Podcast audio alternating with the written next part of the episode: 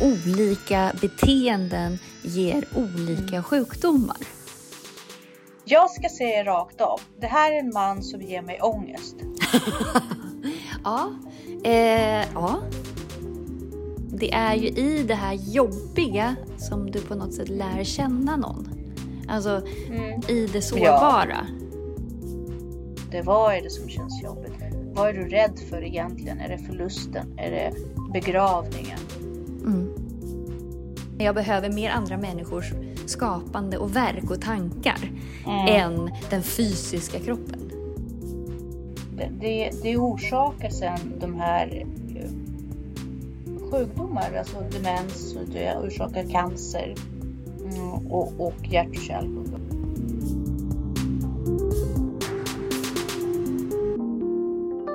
Hej Jessica!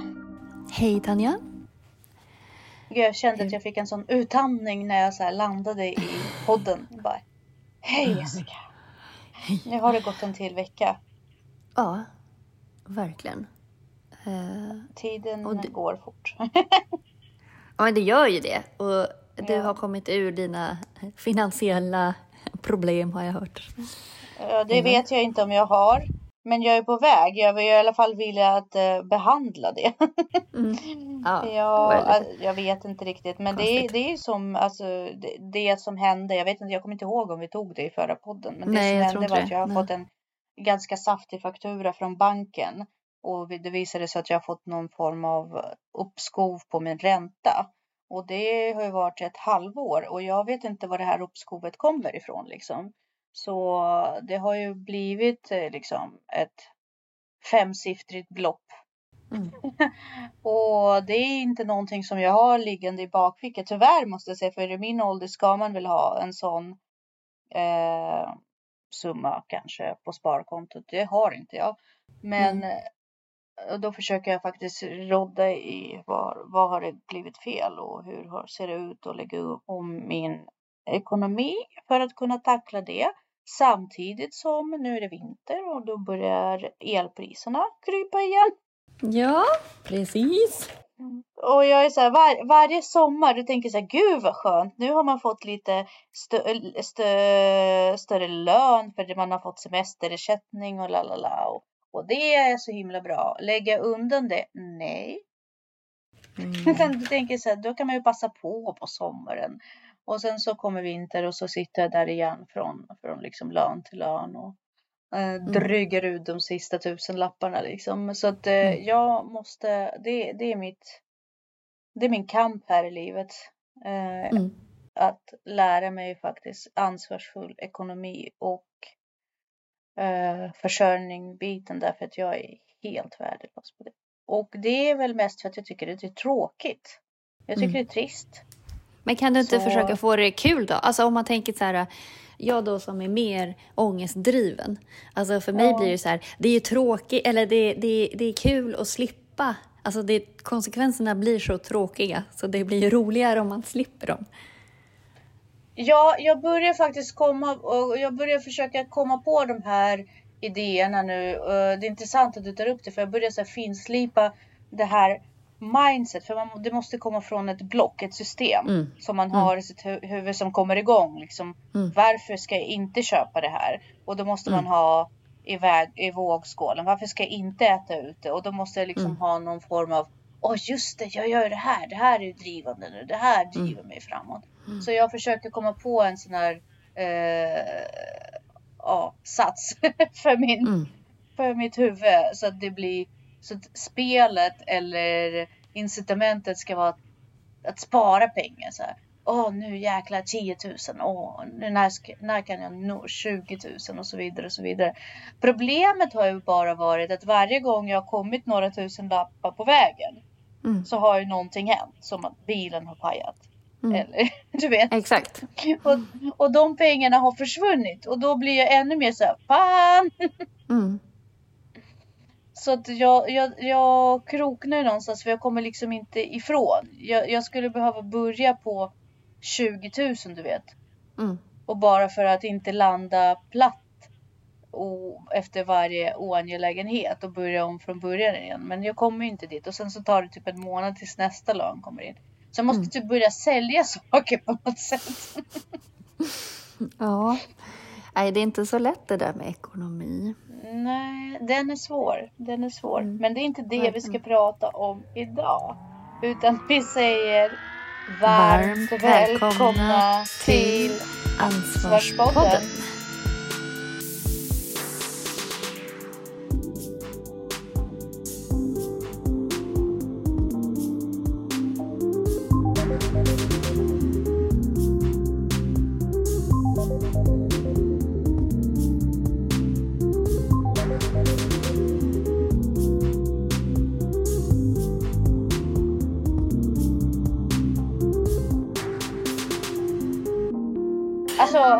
Ja. jag tror att vi måste döpa om. Det är inte det vi ska prata om idag. Exakt, exakt. Eh, det har blivit lite av vår grej. Men det är inte det vi ska prata om idag. Nej. Vi har båda lyssnat lite grann på Dr. Gabor Maté. Mm. Och han är ju en psykiatriker. Honom har vi pratat om förut. Mest i samband med ADHD och trauma. Mm. Har vi pratat om honom och jag ska säga rakt av. Det här är en man som ger mig ångest. ja, eh, ja. Eh, det finns många som ger en ångest. Eh, mm. all, alla som... Eh, jag tycker nästan att, att jag tycker inspiration är ju både mm. ångest och inspiration. Alltså förstår du? Alltså energi och ångest. Ja, ja. Eh, för mm, så fort du får någon form av inspiration eller livsbejakande upplevelse eller så, här, så ställs ju det mm. exakt mot motsatsen som är mm. ångestframkallande. Alltså så att, så att... Precis. Ja. Ja, det är de människor som berör oss mest mm. som, som eh, lämnar mest spår och bidrar mest till utveckling. Och så är det. Och du har ju skrivit i din bok som jag tycker också är jättevärt att hela tiden komma ihåg att största utvecklingen kommer i största eh, motstånd. Så mm. när allting flyter på och du känner att du har alla bollar under kontroll, det är då du inte utvecklas, det är då du egentligen står still. Det är just i det här motstånds, eh, motståndstillståndet mm. när du faktiskt utvecklas och sätts på prov och tvingas att hitta på nya lösningar. Men mm. icke desto mindre, han ger mig ångest. Mm. Och av någon anledning, eller det är inte av någon anledning, jag vet exakt varför han, gör, han ger mig ångest. Han är en väldigt så här, no bullshit mentalitet på något sätt. Mm. Eh, alla andra, eller många, inte alla, det finns en del andra människor som som pratar om saker och ting. De, men de pratar, eh, till och med våran eh, hälsodoktor Mm. Nu glömde jag vad han heter. Mat, matdoktor.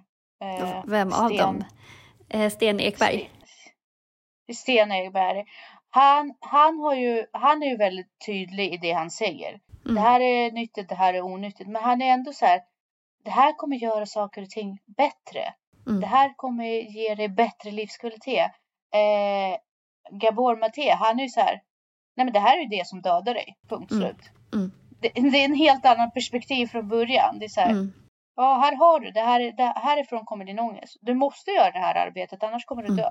Mm. Du, du måste råda i din trauma, annars, kom, annars kan du förvänta dig dålig livsstil. Alltså det är väldigt mycket så här, mm. gilla läget, så är det mm. bara. Mm. Det, är ingen så här, det finns ingen undanflykts... Nej, men jag tycker att det där är, ja, men jag tycker det där är väldigt spännande för att jag gillar ju att, att prata om saker och jag gillar när det är direkt och sådär. Eh, jag har ju däremot kompisar som absolut inte vill prata om jobbiga saker eller så. Och då blir det ju dels så kanske det egentligen inte kommer saker på djupet. Men också, det är ju mm. i det här jobbiga som du på något sätt lär mm. känna någon. Alltså mm. i det sårbara. Ja. Mm. Eh, och får du inte jag det så... Ja, så att jag kan nästan bli så arg på, på folk som inte kan mm. prata om jobbiga saker. Jag blir så här, men vad är problemet? Alltså så. Men problemet är väl att det är ångestframkallande, men då behöver man ju... För det går ju också in i hans poäng här, att om du inte Nej, är exakt. autentisk och inte liksom kan hantera känslor av olika slag, men framförallt ilska och sorg och så här, eh, så kommer du ju bli sjuk. Alltså att det sätter sig i kroppen ja. någon annanstans. Precis. Och det är också en väldigt intressant eh, insikt som man måste på något sätt komma till mm. i livet och greppa att inte tycka att det är jobbigt när det är jobbigt. Förstår du vad jag menar? Alltså det är mm. så svårt att uttrycka mig. Att inte bli stoppad mm. i att jag, ta sig an någonting bara för att man vet att det är jobbigt. Mm. Man måste liksom se på något sätt spänningen i det. Mm. Så, eh, så, som jag försöker prata med mig själv nu liksom kring de här ekonomiska problemen. Jag skulle kunna falla i min mammas famn och bara mamma, mamma, jag behöver pengar och jag skulle få dem. Mm.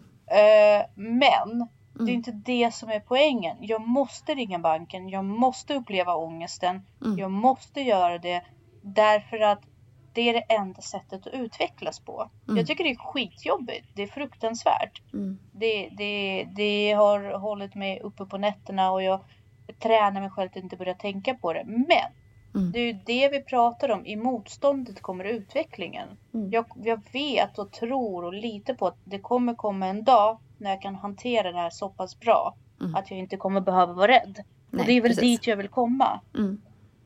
Mm. Precis som man gör med löpning, precis som man gör med träning, precis som man gör med kost. Liksom. Det är inte mm. kul. Mm. Men det är utvecklande. Det är när, när krisen kommer så, och du har eh, och du har kompetensen som du kommer vara tacksam för att det hände. Mm. För att du tog dig igenom det. Men dina kompisar som tycker det är jobbigt att prata om ångestfyllda saker, berätta mm. vad vill de inte prata om? Nej, men döden och så. Nej, men lite döden och sånt. Men, Nej, men sen eh... kan jag också säga, alltså, ja men generellt döden. Alltså sjukdomar mm. och, och sånt som är deppigt. Mm. Men, men då undrar jag så här. Om man har, ja, alltså det är ingen som väljer att komma in och bara nu ska vi prata om döden. Men jag tänker som med alla andra ämnen. Mm. Blir det inte väldigt jobbigt att närma sig döden? För alla kommer komma dit en, en dag. Mm. Om man bara hela tiden ignorerar dess existens. Mm. Nej men precis man lär ju inte känna det på något sätt. Eh, en bekant på jobbet går igenom ganska stor stress just nu och han är ung. Eh, han är en kollega, han är väl i 20 års ålder och eh, en man. Och mm. första gången i sitt liv uh, står inför, inför upplevelsen av att en släkting dör. Hans farfar ligger på dödsbädden. Och jag bara mm. ser hur den här mannen har så svårt att tackla ämnet. Ena saken är att man är ledsen över att ens farfar går bort. Men han mm. vet inte ens hur han ska greppa det i samtal och känslor. Nej. Nej. Nej, det är svårt. Mm. Och där känner man att man blir väldigt sådär oförberedd om man inte har lärt sig att prata om det. Vad är det som känns jobbigt? Vad är du rädd för egentligen? Är det förlusten? Är det begravningen? Mm. Uh, men ja, lite så. Men nu har vi kommit bort från ämnet lite och uh, det uh, vad, vad greppade dig mest i den här i den här föreläsningen? Som du Oj. känner så här, ja det här var ett det här missar man, det här var lite slående liksom. Eh, nej men det tycker jag liksom är hans, alltså att det är så tydligt faktiskt att, att ens beteende och personlighet avgör din hälsa. Mm. Alltså att, att, att då är ju faktiskt livet på något vis, eller så är ju också en del av ens energi. Och att mm. energiflöde spelar roll, att det liksom är inte mumbo mm. jumbo. Mm. Ja, han är ju en av de läkare eh, som är väldigt tydlig med att det finns ett väldigt eh, starkt samband med den mentala hälsan och den kroppsliga hälsan. Och på olika sätt eh, påpekar och bevisar och jobbar med forskning i just det. Att vi kan inte komma till läkare och bara få eh, eh piller för autoimmuna problem. Nej. Utan, utan vi måste grotta i varför ha, har din kropp reagerat så? Och det är mm. inte bara att man inte äter antiinflammatorisk kost etc. etc. Utan vad är det mer? Vad är det i ditt huvud som gör? Vad mm. sänker försvar, eller vad, vad gör att försvaret reagerar mm. på det sättet? Etc. Men också det här med att hans, han tar ju också upp en grupp av de här, de så här eh, självuppoffrande eh, personerna mm. som tar hand om alla andra mm. och lever genom alla andra och att man kan se liksom att eh, olika beteenden ger olika mm. sjukdomar. Mm. Eh, så att liksom var... caregivers, eh, mm. alltså att deras, den här stressen eh, mm. gör att eh, liksom att, att deras, de åldras med tio år och att just telemererna, mm. de här eh, kromosomsluten liksom, och vi har bara ett visst Precis. antal, eller liksom det kan vara en viss längd och, mm. och de halveras hela tiden när man åldras. Eh, så att kan man få stopp på telomerernas halverande så, eller, ja, mm. så kan man få slut på åldrandet, för det hänger ihop så. Men mm. att, att det påverkar jättemycket och samtidigt som att han, folk som eh, ja, men så här, förtrycker ilska och så, eh, de mm. riskerar att istället öka risken för hjärt och kärlsjukdomar och stroke. Eh, så att, nej, det där är super, super spännande. Mm. Mm, precis, och han gav ju som exempel eh, dödsannonser där eh, genom beskrivningen som eller genom det hur folk valde att komma ihåg sina släktingar och nära och kära också kunde se sambandet mellan deras dödsorsak mm. eh, och, eh, och det man, man har liksom uppskattat hos dem mest. Så man har inte ens fattat att det som tar livet om bland annat ja, en en mamma med tre barn som har mm. död, gått bort i cancer och vägrade ge upp att köra sina barn till alla träningar och mm. tog sin promenad eller tog sin löprunda i parken och mm. såg ändå till att vara aktiv i precis alla aktiviteter mm. som hon har varit aktiv i. Åh, vilken hjältinna! Mm. Och, men i slutändan är det också så här, fast fattar inte ni att det är det som tog livet av henne? Mm hon har fått cancerbesked och istället för att fokusera på sig själv och säga ifrån och bara nej, nu måste jag tänka på mig själv. Mm. Nu måste ni ta hand om mig. Så mm. tillåter omgivningen henne att fortsätta ta ut sig. Men precis, och, men det är det man... Förmodligen... Mm. Förlåt, nej men eh, förlåt, nej. säg kvar. Nej, nej, jag fortsätter. Ja, men det är det man, det, det, den instinkten har man ju om man tittar på sina kompisar som är så här självuppoffrande och så där. Man bara, men sluta! Bara, kan, det är så provocerande. Mm. Bara, kan du bry dig om dig mm. själv? Liksom? Alltså, jag blir typ provocerad eh, när folk är för ja. så Och, och där är också så här, avvägningen mot egoism. Alltså, människor som är självuppoffrande mm. eh, och alltså, jag kan bara referera till min mamma till exempel. Hon har typiskt självuppoffrande beteende. Uh, hon tänker ju väldigt kortsiktigt. Uh, hon tänker så här, nej men jag ska finnas för henne här och nu. Eller jag ska finnas för dem här och nu. Det är okej, okay, jag tar igen det, jag tar igen det. Men i långa loppet så tänker hon inte på att hon berövar mig, mamma, längre mm. fram i tiden. Mm. Uh, och jag har ju hellre mindre av henne, men längre Ja. en, en mer intensivt men kortare tid och sen se henne vissna bort i sjukdom. Mm, eh, som precis. demens eller cancer. Men, eh, och det har kommer... ingenting med djupet av relationen. Nej, men där också kommer det in på hans andra poäng. Att stressade mm. föräldrar eller den här typen av föräldrar kan påverka barnens hälsa också. Exakt. Eh, och också att man, det blir ju som, som ett medberoende också. Mm. Och han tar ju upp några exempel på folk som, liksom, som den här Iron Horse till exempel. Eh, mm. Den här eh, baseballspelaren Lou Gehrig som mm. aldrig missade en enda match även om han var sjuk eller hade skador eller brutna fingrar och sådär. Eh, mm. Och det var liksom ett överlevnadsbeteende från hans sida för att hantera sin pappas alkoholism. Men det, mm. det gjorde ju också att han blev sjuk själv.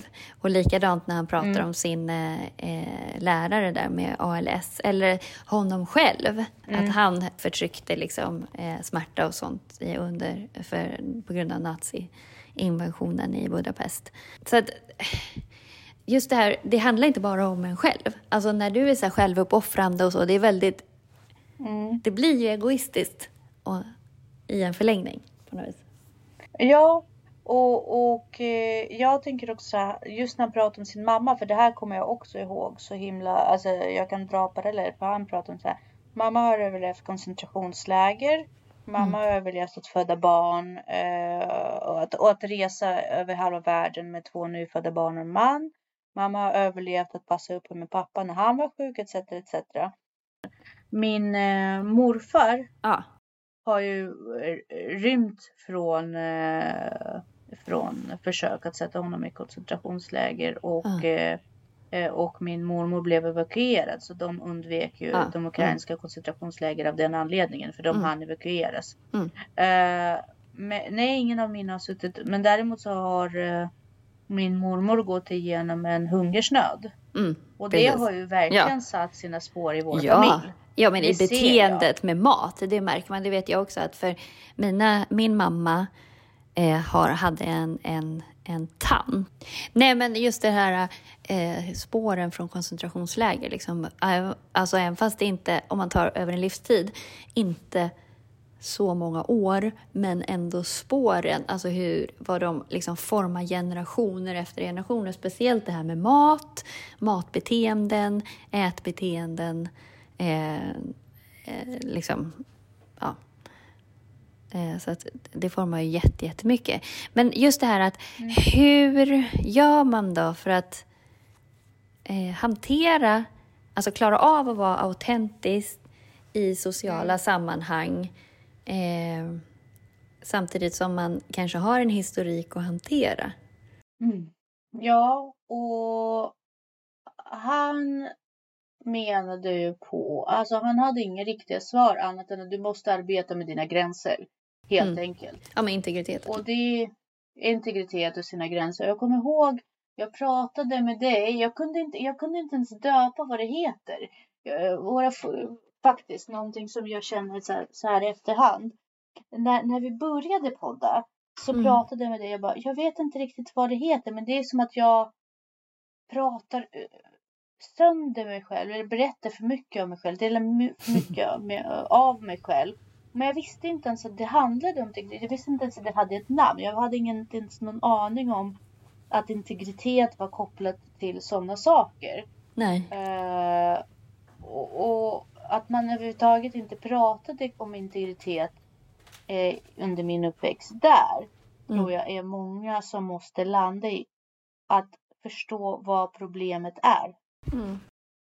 Och kanske få räddbenämningar för saker och ting. Mm. Eh, du har ju berättat att du alltid haft väldigt hög integritet. Mm. Men känner du att du har den här autenticiteten med dig då? Att du kan vara autentisk? Ja, för att jag har... Eh, det var ju liksom ett problem när jag var liten. Att jag inte mm. förstod riktigt de här sociala koderna ur det perspektivet att man skulle göra sig till. Alltså mm. att, att personer kunde förändras beroende på vem som var i rummet. Mm. Den grejen förstod inte jag. Eh, nu, jag kan förstå det ju så här i efterhand. Och liksom, alltså nu mm. när jag, men när jag var liten så, så, tyckte jag att det var väldigt jobbigt att liksom ena mm. stunden så var en person på ett visst sätt och sen så nästa stund så var den på ett annat sätt. Eh, men jag har ju också alltid hellre varit, i och med att det här har ju liksom är ju så pass jobbigt, eller vad man ska säga, så att då har jag hellre... Jag är inte rädd för att vara själv, så jag är hellre själv mm. än att vara med människor som inte är autentiska. Och jag är jättekänslig för att folk inte är autentiska. Mm. Um, men, att, eh, men att vara själv? Ja. Eh, förlåt, jag vill bara ja. flika in, för det här är så intressant. Varför tror du att du inte är rädd för att vara själv? Är det för att du har någon inbyggd eh, självbevarelsedrift så du vet vad du ska göra? Du vet exakt hur du ska göra. Du har någon kompetens, fått med dig liksom från barnsben att du vet vad du ska göra och du ska ta vägen. Jag har alltid varit livrädd för att bli lämnad. Eh, men jag, dels kan det väl vara att jag har ändå en, en grundtrygghet av en kärna. Mm. Alltså att jag ändå vet att, att det finns, det alltid ändå finns min familj och sådär. Samtidigt mm. så tycker jag ju att människor, alltså relationer är ju väldigt, det är ångestskapande också. Alltså mm. all, allt mitt dåliga mående genom livet har ju med relationer att göra. Eh, så att, och jag är inte rädd för att vara själv för att jag använder inte andra människor för att bekräfta mig själv. Jag använder ju andra mm. människor för att utbyta idéer till exempel. Mm. Eller eh, Alltså jag använder inte andra som sällskap eller som... Eh, alltså jag, jag är ju samma person och är värd lika mycket oavsett om andra är där eller inte. Förstår du? Så att, mm, mm, mm. det, jag tror att det beror på vilket syfte använder man andra människor. Eh, men använder du andra människor för att bekräfta dig själv eller att du liksom blir till genom andra, det blir man ju mer eller mindre, men, men att, att det är... Alltså jag tror att extroverta människor behöver ju andra människor på ett annat sätt för att mm. de får energi, liksom feed on others på det sättet. Att mm. här, de måste ha det här samspelet hela, hela, hela tiden för att känna sig levande. Mm. Jag behöver inte det. Alltså jag, jag lever genom andra saker. Jag lever genom musik, jag mm. lever genom böcker. Så indirekt behöver jag mm. andra människor, men jag behöver mer andra människors skapande och verk och tankar mm. än den fysiska kroppen. Ja, och, och det, det, är ju en grej som är fantastisk därför att du vet också vart andra börjar och du tar slut mm. på ett helt annat sätt. Mm. Eh, och vilket, vilket hjälper en att bygga gränser, tänker jag. För det är så här, ja, fast nej, det här är nu, nu inkräktar du på något sätt eller nu, nu vet jag inte riktigt vad som händer. Jag har ju, jag förstår, jag har ju alltid trott att jag är extrovert. Men mm. med tiden har ju du lärt mig att jag inte alls är extrovert, jag är extra introvert. Så jag kan vara ute, jo men alltså jag är ju det. Mm. Jag kan ju vara ute och vara extrovert. Men jag har ju också märkt att det dränerar mig. Mm. Uh, på ett sätt som jag inte alltid har förstått, vilket har lett till väldigt mycket av mina åkommor och, och eh, psykisk ohälsa. För att jag har bara inte haft den insikten att när jag är ute extrovert, absolut, jag parerar situationen och jag är mm. duktig i det och jag kan till och med lyckas i det och, och framstå som att jag trivs etc. Men sen så är jag ju sjukt tömd efteråt. Mm. Mm. Och det är väl att jag har lärt mig att eh, att inte ge så mycket av mig själv i sociala situationer som jag gjort förut. Mm. Som jag liksom på något sätt slutat vara utbränd och må dåligt och ja, i kombination med då min diagnos och så vidare. Så jag har ju fattat att jag är inte extrovert. Jag är bara så extremt trött att jag blir som ett barn. Mm. Överupphetsat barn som inte har fått gå och lägga sig. Mm. Jag är i princip hög på trötthet. Mm. Så, och, och, det, och det är där jag tror att många hamnar för att återgå till det som eh, Gabor Maté säger att eh, du måste hitta vad som är autentiskt du. Mm.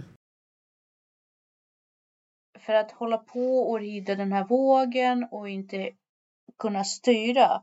Ja, nu är det för mycket, nu är det för lite det, det orsakar sen de här sjukdomar, alltså demens, det orsakar cancer mm, och, och hjärt och kärlsjukdomar. Och han pratar ju om sambandet mellan immun, immunsystemet och eh, känslorna. Mm. Att reaktionen mm.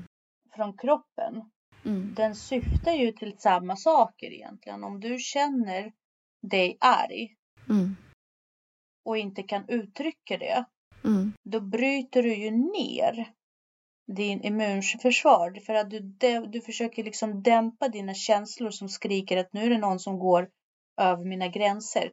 Och samtidigt så avtrubbar du din immunsystem därför att den, den blir också förvirrad därför att den är den, vad heter det, den är inriktad på att attackera fienden. Mm. Men om du bromsar det, mm. precis som du bromsar din ilskeutbrott eller det här markeringen över att nu går över mina gränser. På samma mm. sätt bromsar du immunförsvar, immunsystemet därför att immunsystemet bromsar också inför, inför bakterier och sånt så.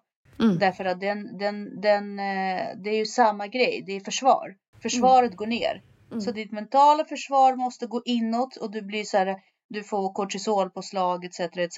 därför att du får inte utlopp för saker och ting.